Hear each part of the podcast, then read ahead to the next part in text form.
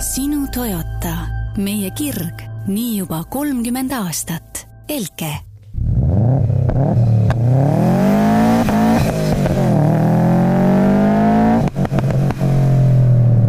Tere kõik äh, istmesoojenduse fännid ja mittefännid. jälle on meie autosaade siin äh, tuure üles võtmas, istun siin Veliga stuudios. Ja mis siis ikka, kui hakkame jälle rääkima autoteemadel? Äh, täna on meil lisaks õht-, äh, tähendab saate teises pooles ka väikene külaline Raido Rosenfeld Elkest, kellega me räägime natukene uutest Toyotadest, mis on tulemas ja sellest, et kuidas neid siis kõige mõistlikum hankida on. aga praegu tõesti teistel teemadel ja alustame siin elektriautode lainel, see on natukene selline läbiv teema ka terve saate lõikes, on ju. no eks ta hakkab aina rohkem olema läbiv teema. jah, varsti meil ongi ainult täiesti elektriautode teemaline saade vist aga, aga alustame sellisest huvitavast teemast nagu Euroopa kõige odavam elektriauto, mis on tulemas äh, praeguste noh, ütleme eelraportite kohaselt ja selleks on siis Dacia, mis on muidugi tuntud ju selle poolest, et nad teevad odavaid autosid. kas nad teevad ka häid autosid, see on muidugi maitse asi.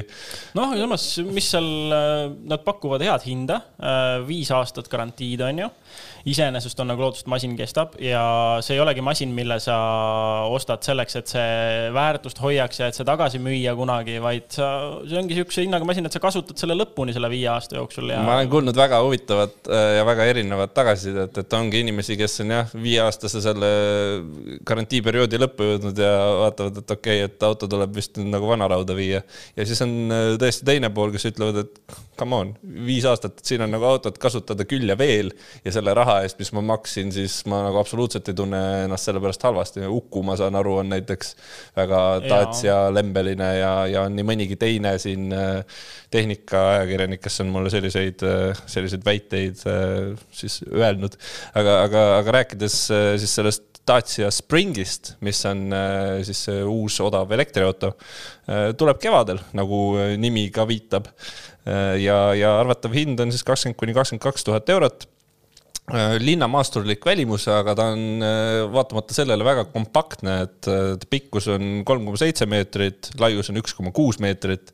ehk siis, et mastaapi panna see asi, siis ta on pikem ja laiem kui Fiat viissada aga ta on näiteks kitsam ja lühem kui Golf. ja, ja lühem kui näiteks MR2, mis kõrval, noh, mis on selline kääbus auto, mis nii mõnegi väikse auto paneb suurena tunduma. jah, et see suht huvitav, et on selline kõrge clearance'iga, aga mm -hmm. samas tegelikult päris väikene.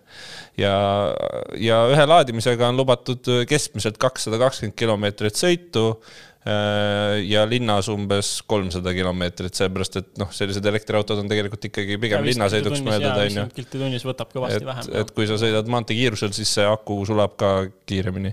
et äh, siin võiks vist väikse pühenduse teha siis Peep Pahvile, kes seda autot kindlasti ei osta, kes meil siin enne just äh, stuudios lõpetas ja ütles, et mis asja, et sellega saab Tartusse sõita nibin-nabin no tegelikult äh, eks tal on õigus ka, et äh, kahesaja kahekümne kilomeetrise sõiduulatusega ma ei ütleks, et see on päris äh, praeguste elektriautode selline etalon või standard, et paljud juba suudavad siin nelisada viiskümmend kilomeetrit ühe laadimisega välja võluda, on ju, et. siin ju just tehti ka see katse Hyundai elektriautodega, et äh, tahtsin ka minna ja osaleda, aga paraku tervis sel ajal ei lubanud. aga tehti Auto24 ringil Audrus, siis üritati elektriauto kestvussõitu teha ja seal ka tehti meeskonnavahetused ja, ja sõidetigi kestvus, kestvussõidu kestus siis oli vist kas kolmkümmend üks tundi, midagi säärast ja sõideti peaaegu üheksasada kilomeetrit ära selle ühe. no see oli muidugi täis säästurežiimis ka onju, et seal oli kõik kliimaseadmed väljas ja, ja helisüsteemid väljas ja nii edasi onju. aga jah, et siin katsed on isegi nagu teistel ringidel mingisugune Hyundai analoogne katse, seal vist said isegi üle tuhande kätte. ja see oligi see, see rekord, mida nüüd üritati siis korrata nii-öelda mm -hmm.. aga jah, ei üldine järeldus selle elektriautonduse juures on minu jaoks jätkuvalt sama, mis ta on olnud äh, pikemat aega, et et äh, kui hinnad kukuvad, kui laadimiskiirused kasvavad ja meil see infra järele tuleb ja kui sõiduulatused kasvavad, siis noh, ta võiks juba igapäevasõidukiteks nagu alternatiiv. selle, selle laadimiskiiruste asja juurde me veel jõuame, kui me räägime mm -hmm. enda sellenädalasest äh, proovisõiduautost, aga praegu lähme edasi äh, Toyota uudistega ja sellise uudise, et räägitakse Austraalia maal vähemalt, et GR-mudeli valik on laienemas ja mida see tähendab, siis noh, Gear Yarisest me oleme juba korduvalt rääkinud siin, on ju. siis on Hilux Gearist juttu olnud, et mingi selline masin võiks tulla, põhimõtteliselt siis pickup, millel on veel rohkem võimsust mingisugustes kuluaarides on läbi käinud jutud Gear Corollast. Äh, ja nüüd on siis äh, jutt veel sellisest asjast nagu Land Cruiser Gear et noh, see küsimus on muidugi selles, et kas need asjad kõik tulevad selle ja, konkreetse GR märgiga või on need lihtsalt nendesamade autode mingisugused no, võimsamad, võimsamad ja, variandid, on ju. aga, aga ütleme, et siin selle konkreetse allika puhul Austraalias selline intervjuu, mis oli äh, läbi viidud, siis kohaliku esindajaga öeldi, et jah, põhimõtteliselt meil on, meil on plaan teha selliseid äh, ka ütleme, maasturlikumaid autosid, mis võiks GR-märki kanda. Äh, mis sa sellisest trendist arvad? ma arvan, sa tead väga hästi, mis ma sellisest trendist arvan. meil on neid kiireid ähm, maasturilaadseid olnud rohkem kui küll ja noh, järeldus senimaani on olnud, et kõige nii-öelda meeldejätmist väärivam on olnud see Alfa Romeo Stelvio Quadrifoglio. aga isegi midagi nii äh, ideeliselt metsikut nagu Lamborghini Urus on tegelikult unustamisväärne kogemus. et need, see kiirete linnamaasturite ja veelgi enam sihuke parketimaasturite trend ilmselgelt ei, äh, ei meeldi, ei meeldi mulle otseselt. ütleme Ega... ka, ka kaksikturboga siis neljaliitrine V8 ei pane sind kõrvu kikitama? noh, Land Cruiseri puhul on vähemasti see, et olles äh, käinud äh, nüüd viimase mudeli põlvkonna esitlusel Namiibias, kus oli vist kas kokku neljapäevane sõit läbi jõhkrate tingimuste, siis äh, Land Cruiser vähemasti, see ei ole minu jaoks parketimaastur, tal on ikkagi maastikusuutlikkus, ta on tegelikult tööriist järeldus oli äh, üks, selle, selle proovisõidu järeldus oli üks äh, kohalik Namiibias kasutatav Toyotade, just ka Land Cruiserite ja kõigi nende vängemate Toyotade kohta kasutatav, võib siis öelda, et proverb, et Land Cruiser viib su kohale ja toob tagasi ka. Et see on nagu sihuke. no ma arvan, et see, ma arvan, selle kaksikturboga see neljaliitrine V8, ma ei usu, et sellest see tööriist saab, et see on nagu Seda on need G-klassi AMG-d on ju, et G mm -hmm teoreetiliselt on ju maastikuvõimekus olemas, aga keegi ja. ei lähe sellega no ilmselge on see jah, et see länkar tehakse veel äh, jäigemaks, on ju, ta ikkagi antakse talle, noh, võetakse seda külgkaldumist vähemaks ja lõppkokkuvõttes siis ka seda maastikusuutlikkust. et see on jah, selge, et noh, V8 topeltturboga kõlab hästi, aga jällegi jah, puristi jaoks, minu kui puristi jaoks ei ole topeltturboga V8 koht kusagil maasturi ja iste vahel. aga Gear Corolla, niisugune ühend, ühendipaar. jah, see, see võiks, see võiks olla täitsa, täitsa tore iseenesest. no selle kohta on ka seal konkreetses intervjuus kõige rohkem viidatud, et see võiks ilmselt ka Euroopasse jõuda, kuigi nende teiste puhul on, noh, me oleme ju näinud Toyota mudelivalikus ka mm -hmm. seda, et meil on pigem hübriidid, mingisugused mõistlikumad, väiksemate mootoritega autod, eks see kogu Euroopa saastetingimuste asi ja, tingib ja. selle, et meile, meile neid võimsamaid autosid, noh, kasvõi äh, kui me võtame siin, no mis äh, Camry puhul mm -hmm. näiteks, meil ei ole ju seda võimsamat Camryt, et ja, meil on ainult see hübriid no,. sama on ju ka Land Cruiseriga, et tegelikult Vene, Venemaa turule need V8-ga Land Cruiserid lähevad Äh, kui soojad saiad, et seal, seal paraku on äh, selline tööriist ikkagi pigem linna vahel poosetamise masin ja need V8-d lähevad väga kaubaks seal, aga jah, meile neid siin ei, noh, seda enam ongi peaaegu kindel ka see, et nad tõesti ei tulegi meile siia. no eks seda saame pärast Raido käest täpsemalt täpsustada. Äh, mis veel huvitavat, uued Renault, mis on siis kuidas öelda, teravamad, äh, kiiremad mm -hmm. hakkavad äh, kandma Alpini märki. oled sa mõne Alpiniga sõitnud? ei, aga ma väga tahaks Aasia kümnega sõita, see on äh, oma kontseptsioonilt äh, ja äh, olemuselt väga lähedane siin äh, Lootuse Liisele MR2 Spiderile, mida noh, mida tõenäoliselt mõned kuulajad praeguseks juba teavad, et ma pikemat aega olen ehitanud endale raja, rajaautoks. et ja lisaks noh, mis on väga kõnekas selle, selle auto puhul, on see, et see on äh, Gordon Murray äh, üks isiklikest masinatest, härrasmees siis, kes lõi McLaren F1 ja nüüd teeb T50 nimelist superautot, millest me oleme ka siin rääkinud.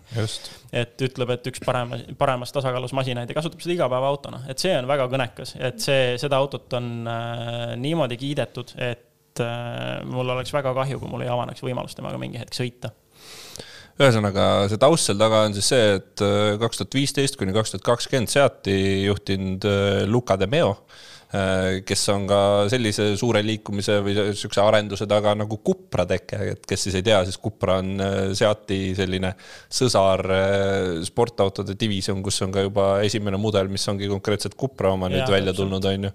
et siiamaani ongi nad olnud, ongi nad olnud Seatil põhinevad, aga, aga nüüd on ka see Cupra bränd hakanud oma elu elama. Ja sealsamal Luca de Meol oli selline mõte, et nüüd tuleks neid samu tegusid teha ka Renault's, kuhu ta selle aasta alguses liikus.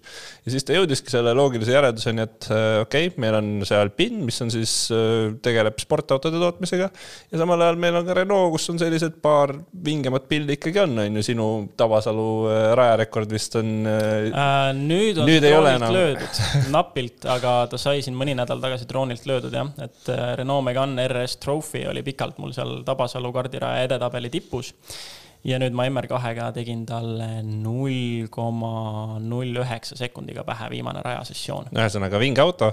Äh, ja need võiks siis tulevikus kõik äh, tulla sealt Alpini alt välja. Ja see praktikas tähendaks siis seda, et ilmselt me näeks lähitulevikus Cliot. Mm, -hmm. näeks lähitulevikus Renault Capture'i ja need oleks siis pigem seotud selle Alpini brändiga kui Renault'ga need vingemad versioonid siis? ma kusjuures siin äh, läheks korra ajaloos veidike tagasi ja mõtleks selle väga ägeda Clio Sport versiooni peale, millel oli keskpaigutusega V6 ja tagavedu. et äh, midagi säärast, ma väga loodan, et seal äh, pannakse töösse mõni sarnane masin. no kui taustaks veel nii palju mõelda, et siin on tegelikult ka see arenduspool on olemas, et äh, praegu on küll Renault äh, vormelimeeskond, aga see ka juba lähitulevikus bränditakse ümber Alpiniks. ehk siis äh, tegelikult on kogu see teadmine seal olemas, kuidas ja. kiireid ja häid autosid teha ja seda teadmist ainult koguneb juurde ja see läheb ka tegelikult lõppude lõpuks äh, autotööstusesse, et ma just rääkisin ühe, ühe spetsialistiga, kes ise on hästi palju tegelenud just nii-öelda selle teadmise võidusõidust mm -hmm. tavaautodesse toomisega ja ta ütles, et see on hädavajalik, et kui ikkagi tahta normaalset kiiret autot ehitada, siis sellel brändil peab kindlasti olema kas WRC tiim, äh, mingisugune ringrajatiim või vormelitiim mm. -hmm. vastasel juhul sealt normaalseid autosid ei tule ja need on ainult ühed äh, igavesed nikkeldised, mis kogu aeg katki lähevad. et, et selles mõttes on ka see inseneeria teadmine on seal olemas ja see annab ainult veel kinnitust, et sealt hakkab nüüd veel huvitavaid ja häid autosid tulema jah, vahelduseks toredaid uudiseid esimesele kahele, kus äh, on tulemas äh, parketimaasturi kujuline elektriauto ning äh, järjekordsed kesk, keskmisest võimsamad maasturikujulised tooted. aga nüüd räägime ühest huvitavast autost, mis oli meie sellenädalane proovisõiduauto ja see ilmselt kedagi külmaks küll ei jäta, vähemalt kui ta seda näeks või seal istuks või üldse sellega kuskil kokku puutuks. selleks autoks on siis Honda E päris mitu korda oleme saates teemaks ka võtnud, et vot see on üks masinaid, mida oh, tahaks mida proovida. proovida ja kõik. nüüd ja... sai proovida, kas, kas sa pettusid? Noh, ütleme, ootused olid kõrgel, sest et ideeliselt ikkagi ju retrodisainiga elektriauto tagaveoline ja sihuke no ütleme juba, juba nende põhjal äh, lõi natuke pirni põlema, et kui sa isegi ükskord küsisid, et kui ma peaksin siin äh, elektriauto toetuse eest endale mingisuguse masina valima, siis ma pimesi juba ütlesin, et Honda E, ilma olemata seda proovinud. et äh, nüüd teades seda hinnaklassi ja tema sõiduomadusi, siis ma enam sada protsenti veendunud ei ole paraku. aga ei, ta ei ole kehv auto kindlasti. ta disain on minu jaoks tugev koht, kuigi ta on polariseeriv, et et äh, nii mõnigi, kes seda masinat nägi, ikkagi ei osanud temast midagi head arvata ja teised on jällegi vaimustuses. ja mulle see pigem meeldib. päris mitu inimest küsisid, et mis kühm see seal kapoti peal on, et äh, äge ka, võtsin, võtsin äh, vahelduseks teistele autoajakirjanikele hoopis valget värvi versiooni, et kõik teised sõitsid selle sinisega. ja siis seal on veel kontrastsemalt mõnusalt näha see, see musta värvi kühm kapotil, mis Ameerika auto puhul näiteks viitaks seal all olevale kompressorile või Äh, või noh, millelegi äh, vingemale, et siis tegelikult jah, see oli lihtsalt, äh, see on lihtsalt laadimisava tal. Aga noh, jah, sellegipoolest disaini elemendina jällegi tõmbab tähelepanu. mulle meeldivad need ümarad retrotuled nii ees kui taga, et tal on täiesti teadlikult tehtud see, see otsus, et esi- ja tagaosa tuled on hästi sarnased aga jah, see. aga, aga su, su pettumus ikkagi, tuleme sinna tagasi, see, see pettumus on huvitav. mis selle pettumuse tingis või miks sa ütled praegu, et see ei oleks enam see auto, mida sa selle elektriauto toetuse eest ostaks? lõbusam, et see sõiduelamus on lõbusam ja selles, et ta nii lõbus ei ole, on süüdi need rehvid, mis talle on alla pandud. ees on kakssada viis laiad ja taga kakssada kakskümmend viis laiat Michelin Pilot Sport neljad pidamine oli liiga hea. pidamist on liiga hästi, et see oli siin libedates tingimustes sõitu, kus ma mõtlesin, no nii, nüüd võtame kõik veojõu ja stabiilsuskontrollid maha, tagavedu ikkagi, et äh, jõud tuleb ka kohe taha, et noh, ta peaks ju midagigi lõbusat tegema, onju, või lubama, lubama natukene mängida. no liiga palju pidamist et ja teine asi on see, et äh, jah, kuigi ta oma disainilt näeb välja sihuke justkui kompaktne, siis tegelikult on ikkagi suhteliselt äh, suur auto, et ja samamoodi ka noh, elektriautole omaselt jällegi raske. et tal on küll jah, sellel elektriajamil seda saja viiekümne hobujõu ja kolmesaja Newtonmeetri jagu siin võimsust ja väänet aga noh, ma ühesõnaga ma ootasin, et see elamus oleks veidike lõbusam, et ta jättis ikkagi selle praeguse aja, praegusel ajal prevaleeriva maitse suhu, et see on jälle üks nendest vati sisse mässivatest autodest, kus, kus sõidukogemus on äh, tahaplaanile jäänud ja kogu rõhk on läinud ikkagi sellele, et oleks äh, ägeda disainiga, noortepärane, ta oleks äh, multimeedia osas igatepidi ühenduv ja, ja ta ongi, et see, ma ei tea, kas sa, sa katsetasid seda suurt ekraani seal ees või? seda, mida sa täpselt mõtled, kas ma üldse katsetasin? selles mõttes, et HDMI. HDMI-d, ma ei jõudnud selle HDMI-ni, ma mõtlesin selle peale, siis ma mõtlesin, et pagan küll, see ei ole ju tegelikult mingi normaalne asi, et kes see võtab, noh, mul ei ole mingisugust suvalist seadet, kus on HDMI pesa, et ma saaks sealt hakata midagi striimima yeah. või ma ei tea, mida tegema sellega. See.... aga jah, see on nüüd, kui nagu võtta, siis üritada kirjeldada seda vaatajatele, noh, me paneme niikuinii pilte ka vahele, onju, aga tal on terve selle auto eesmine paneel, seal on täis sellist ekraani kahes osas ja ta peegeldab need äh, kontrollid või nii-öelda asjad, mida sa teha saad nii äh, juhile kui kaassõitjale. ehk siis äh, seda saab mõlemalt poolt juhtida, sinna saab panna mingeid äh, mis on eestikeelne sõna screensaveri kohta, kurat jälle ma räägin oma estonglish'it. kuva, kuvasäästja midagi, midagi säärast koledat. et sinna saab panna kalade akvaariumi Akvaarium. ja ma ei tea, mingi metsa. kalu saab ja... toita akvaariumis, kuigi kahju on see, et seda akvaariumit ei saanud nagu jooksvalt panna, et oleks sõitnud sellega ringi. aga ma tuleks tagasi korra natuke selle sõidukogemuse juurde ja ma tundsin küll, et tal oli äh, et tal oli seda vimkat sees, ta tahtis vahepeal mm. visata ja, ja mulle tundus, et hakkab minema, siis ma võtsin veokontrolli maha ja siis ta ikkagi ei läinud ja siis ma olin ka nagu pettunud selles äh,. aga ma arvan, et ta tegelikult oligi ikkagi, ta oli lõbusam, kui on tavalised elektriautod. kuigi äh, seda lõbu oleks olnud kordades äh, enam, kui see auto ei oleks istunud nii kõrgelt, ta istus õige kõrgel minu maitsele, et ta oleks olnud natukene madalamal, ma ei tea mingi paar sentimeetrit mm -hmm. sellest oleks piisanud. et selles mõttes noh, kui sa räägid sellest välimusest, ma isiklikult jään sinna teise leeri, et mulle see välimus väga ei meeldinud, aga seda ei saa öelda, et see ei oleks nagu päid pööranud, ma arvan, et see auto tõmbas umbes sama palju tähelepanu kui see, kui sa oleks sõitnud Porsche Taycaniga või, või mingisuguse Ferrari'ga, et inimesed äh, vaatasid, vaatasid silmad pärani, suu lahti, et mis jubedus see siin on. Või noh, sinu, eh, sinu mingis kujutlevas universumis, et mis kaunis auto sa seal sõidab aga, aga igal juhul inimestele see kindlasti tähelepanu eh, tõmbas mm. -hmm. mis minu arust kõige suurem probleem salongis sees oli ergonoomilisuse küsimused.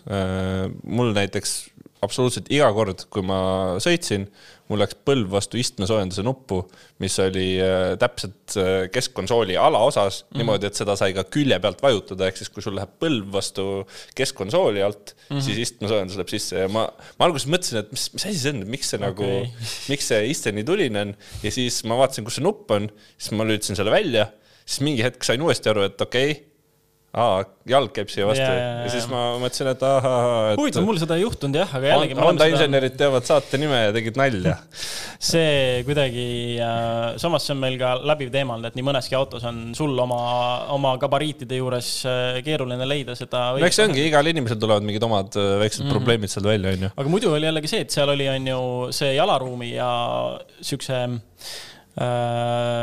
ruumi jagumise mõttes oli tehtud see otsus, vaata, et sul seal selle kahe istme vahel sealt alt mm -hmm. oli see osa ära võetud, et see oli nagu nii-öelda läbi käida. ma ütleks, muidu oli avar äh,, isteasend mm -hmm. oli täiesti okei okay., mul ei olnud neid muid probleeme, mis mul nende mm -hmm. väikeste autodega tavaliselt on. aga just see, mingisugused ergonoomilisuse küsimused olid veel, näiteks seal teisel ekraanil mm, -hmm. mis on nii-öelda seal kaassõite ees, äh, juhtnupud on paremal poole ääres, ehk siis see tegelikult tähendab seda, et seda noh, seal muidugi oli võimalik niimoodi, et sa panid vasakpoolsele ekraanile, siis vajutasid mm -hmm. vahet ekraani ja siis see läks sinna teise ekraani peale, onju. aga noh puhtfüüsiliselt, miks nüüd teisel pool neid nuppe üldse siis vaja on? aga eks see oligi, nagu ei see oligi kaas, need, ma sain aru aga kaassõitja saab ju seda teist, teist ekraani ka kasutada, et. Äh, ja ei, ei oota, ma mõtlengi. pluss seal olid mingid seaded, mis olid ainult parempoolsel äh, sellel valikute ribal. see on kindlasti kuidagiviisi muudetav. aga veel asjad, mida ma mainiks ära, äh, kuidas sul see suhe nende peeglitega oli, sest need peeglid on ju kaamerad. peeglid olid head, välja arvatud öösel, öösel nad mm -hmm. muutusid siukseks teraliseks veits on ju, noh, kaamerapeeglid, et põhimõtteliselt põhimõtteliselt kaks kaamerat mõlemal pool ja siis pilt näidatakse sulle sinna äh, siis äh, nende ekraanide kõrvale veel ühed väiksed mm -hmm. ekraanid. väike kiitus läheb siin äh, Hondale selle eest, et nüüd eelmine aasta ma sõitsin Audi e-trooniga mm -hmm. ja neil ka on valikulised kaameratega peeglid ja see koht, kuhu e-troon paneb selle ekraani, kust sa pead vaatama siis, et kas sul on külg vaba või ei ole, see on väga sihuke ebaintuitiivne mm, -hmm. et muidu on ju, sul on nii, sul on ukseserv on siin, sa oled harjunud ukseservast üle vaatama, nii, seal on peegel ja Audi paneb sul selle kusagile allapoole, kusagile uksepolstri peale üldsegi. et täiesti harjumatu koht, kuhu vaadata. et Hondal selles mõttes oli paremini, aga jah, ma olen nõus sellega, et pimedas äh, oli natukene sihuke, pimedas manööverdamine jah, ei olnud, äh, ei olnud väga, väga sihuke mõnus kogemus, et paraku jäi natuke pimedaks. ühesõnaga, me jõuame konsensusele, et see on lõbus iseloomuga väike auto, aga nüüd tuleb see aga ja see on minu jaoks kõige suurem aga selle auto juures mm. ja see aga on see, et seda ei ole võimalik laadida, kui sul ei ole kodus mingisugust võimalust selleks. Äh, ma sõitsin selle autoga niimoodi, et see kahekümne viie protsendi peale, äh, tal on Type kaks laadija, mis tähendab seda, et põhimõtteliselt sul peab see juhe olema, noh, Eestis vist on mingid üksikud Type mhm. kaks mm -hmm. laadijad kuskil, aga ütleme, see tavaline, see nii-öelda sinine, see karp, mis kuskil igal pool võib seista siin noh, see põhiline mm -hmm. laadimisvõrgustik. seal ei ole võimalik Type kahega mitte muud moodi laadida, kui sul peab see juhe olema ja siis seal kõrval on üks sihuke pistik, kes saate sinna panna.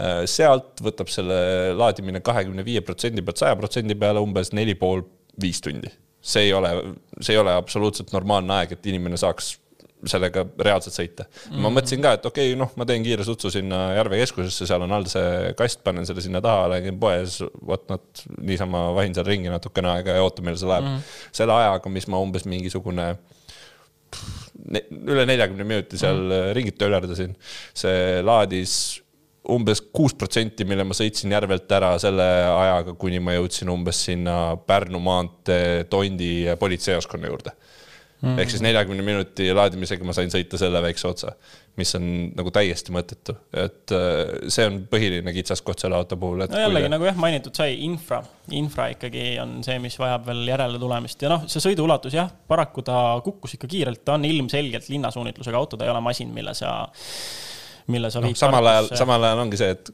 inimesed, kellel on oma kodu, saavad seda laadida, kellel Tallinna linnas on oma maja niimoodi mm, -hmm. et ei mhm. oleks pistikupesa, kus nad saaks seda laadida, ma arvan, väga vähestel inimestel. identiteedikriis jah, paraku. et niikaua, kuni meil normaalset laadija võrgustikku ei ole, ma kahjuks ei saa ka öelda, et see oleks see auto, millega reaalselt sõita saaks. aga, no, aga see kehtib kõigile elektriautodele sisuliselt. aga no see ongi see, et äh, need äh, edasipüüdlikumad, progressiivsemad äh, töökohad mingil hetkel varustavad oma parklad ka võib-olla nende Type kaks laadijatega, millal iganes kunagi tulevikus, et siis see võib olla täiesti variant, on ju, et sa laeta tööl täis, hommikul lähed, sõidad tööle, paned uuesti laadija otsa, teed oma muud otsad, et noh, selles mõttes niimoodi kuidagiviisi nagu enam-vähem saaks temaga elada ikkagi. no eks me saame seda näha tulevikus ja, ja jääme siis ootama, et äh,. hind jäi mainimata. hind jah, noh palun. Äh, kolmkümmend viis laias laastus, alates kolmkümmend neli ja pool. ei ole midagi hullu, aga Dacia ka ei konkureeri jah, täpselt, et, äh, et on jälle, jälle sama asi, mis ma Dacia lõppu sinna järelduseks ütlesin, et äh, hinnad vaikselt kukuvad, aga infra on vaja järele tõmmata, sõiduulatus on vaja järele tõmmata. ja noh, jah, ja kui tulevadki konkurendid, kes äh, pakuvad juba kahekümne, isegi kahekümne viie eest elektriautot, siis, mis sõidab samamoodi ka kusagil kahesaja kanti. ühesõnaga põhiteemadena me saame ilmselt ikkagi paar aastat rääkida veel sisepõlemismootoriga autodest, siis peame ümber spetsialiseeruma elektrile ja,. jah, jah, või, või pillid kotti panema